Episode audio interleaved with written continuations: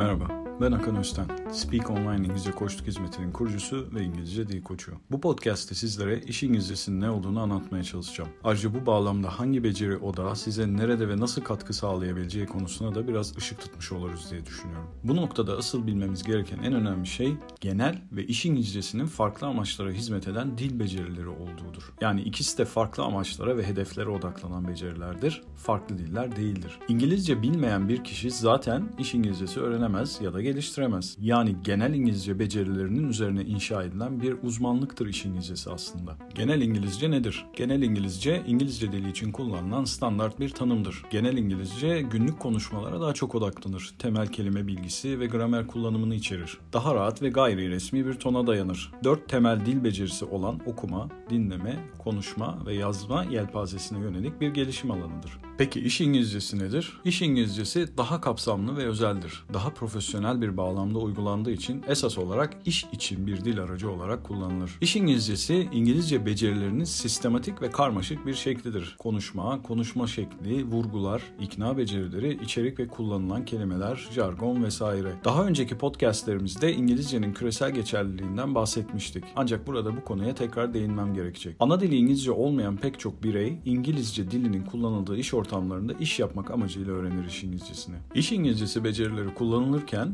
amaç verimli ve etkili iletişimdir. Burada tüm dil becerilerinizin ne kadar etkili olduğu ortaya daha belirgin olarak çıkar. Bu gibi durumlarda katı dil bilgisi kuralları bazen göz ardı edilir. Örneğin vurgulu bir müzakerecinin tek amacı mümkün olduğunca çabuk bir anlaşmaya varmaktır ve öngörülemeyen şekilde ifade becerisi gerekmektedir. Yani doğru kelimeler, kalıplar, ifade biçimleri, ileri seviye anlama ve algılama becerisi devreye girer. İş İngilizcesi farklı insanlar için farklı şeyler ifade eder. Bazıları için iş, ticaret, finans ve uluslararası ilişkiler dünyalarında kullanılan kelime ve konulara odaklanır. Diğerleri için iş yerinde kullanılan iletişim becerilerine atıfta bulunur ve sunumlar, müzakereler, toplantılar, küçük sohbetler, sosyalleşme, yazışmalar, rapor yazma ve sistematik bir yaklaşım gibi tipik iş iletişimi için gerekli olan dil becerileri anlamına gelir. İş İngilizcesi dilin gelişmiş biçimi olarak da kabul edilir. Endüstriyel jargon ve terminoloji bilgilerin öğrenilmesinden ziyade etkin ve doğru kullanılmasının öğrenilmesi gereken en zor olan gelişim alanı olduğunu düşünüyorum. Yani nerede neyi nasıl kullanmam gerekir becerisi.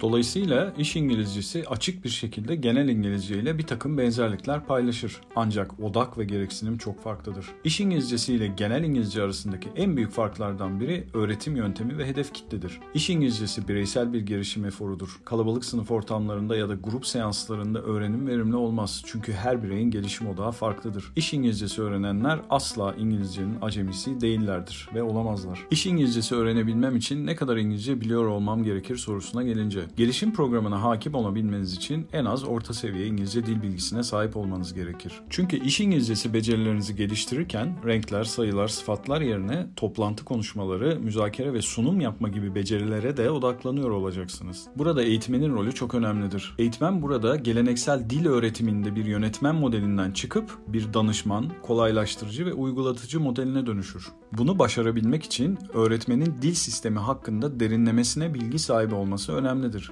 Beceri işlevleri, yapıları ve kelime bilgisi gibi. İş İngilizcesi eğitmeni dil öğretmeni olarak gerekli temel işlevleri yerine getirmelidir tabii ki ve ayrıca özellikle organizatör, değerlendirici, yönlendirici, katılımcı, kontrolör ve bilgi kaynağı olmalıdır. Eğitmenin iş tecrübesi olması pozitif bir etken olacaktır. İngilizcemin iyi olması küresel ortamlarda başarılı olmam için yeterli midir? İngilizcenizin iyi olması özellikle küresel ortamlarda yaşanan friksiyonel ve rekabetsel ortamda sizi elbette avantajlı duruma getirecektir. Ancak dil becerileri bu yapbozun yalnızca bir parçasıdır. Başarının gerçek sırrı kültürel engelleri yıkmak, farklı kültürel normları ve iş prensiplerini de anlamak olduğunu düşünenlerdenim. İlgili iş uzmanlığına sahip yüksek nitelikli eğitmenler tarafından verilen iş dili eğitimi ve kültürel zeka esas anahtar olacaktır. Granüler tecrübe paylaşımları bu hassas öğrenim ve gelişim süreçlerinde çok önemlidir. Bireylerin bir iş bağlamında becerilerini geliştirmelerine ve uygulamalarına yardımcı olan sonuç odaklı içerik eşliğinde çalışmaları gerekir diye düşünüyorum. Eğitmen tarafından yönetilen gelişim programı iyi harmanlanmış, uzman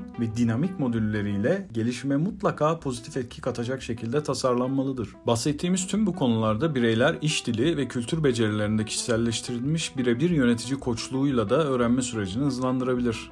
Becerilerinde ince ayar yapmak veya yüksek riskli etkileşimlere hazırlanmak isteyen profesyoneller için dil koçluğu son yılların en etkin çözümüdür. Peki iş İngilizcesi alanında en önemli beceri hangisidir? Burada tek ve kesin cevap tüm beceriler olacak. Okuma, yazma, dinleme ve konuşma. Özellikle üst seviye ve kritik pozisyondaki bireyler için bu becerilerin etkin olması gerekir. Tüm becerilerin birbirini tetiklediği ortamlarda olacağınızı asla unutmayın. İş dünyasında kritik konular hakkında e-mailler okuyup cevap yazacak, telefon görüşmesi veya toplantı yapacak, önemli bir satış anlaşmasını başarıyla sonlandıracak veya günlerce ben karşı taraftan neden cevap alamıyorum diye düşüneceğiniz durumlarla karşılaşacaksınız. Dil becerilerinize ek olarak çevik ve kıvrak zeka, etkin iletişim becerileri, doğru vücut dili, inandırıcılık, doğru ve yerinde metafor kullanımları, fikrinizin algılanmasını sağlamak ve savunmasını yapmak, herhangi bir konu hakkında kritik yapma veya savuşturma gibi becerilere de hakim olmanız gerekir. Peki ya sizce iş İngilizcesi sadece bir gelişim alanı mıdır yoksa başarılı bir kariyer için bir şart mıdır? Bir sonraki podcast'te görüşmek üzere. Sağlıklı günler.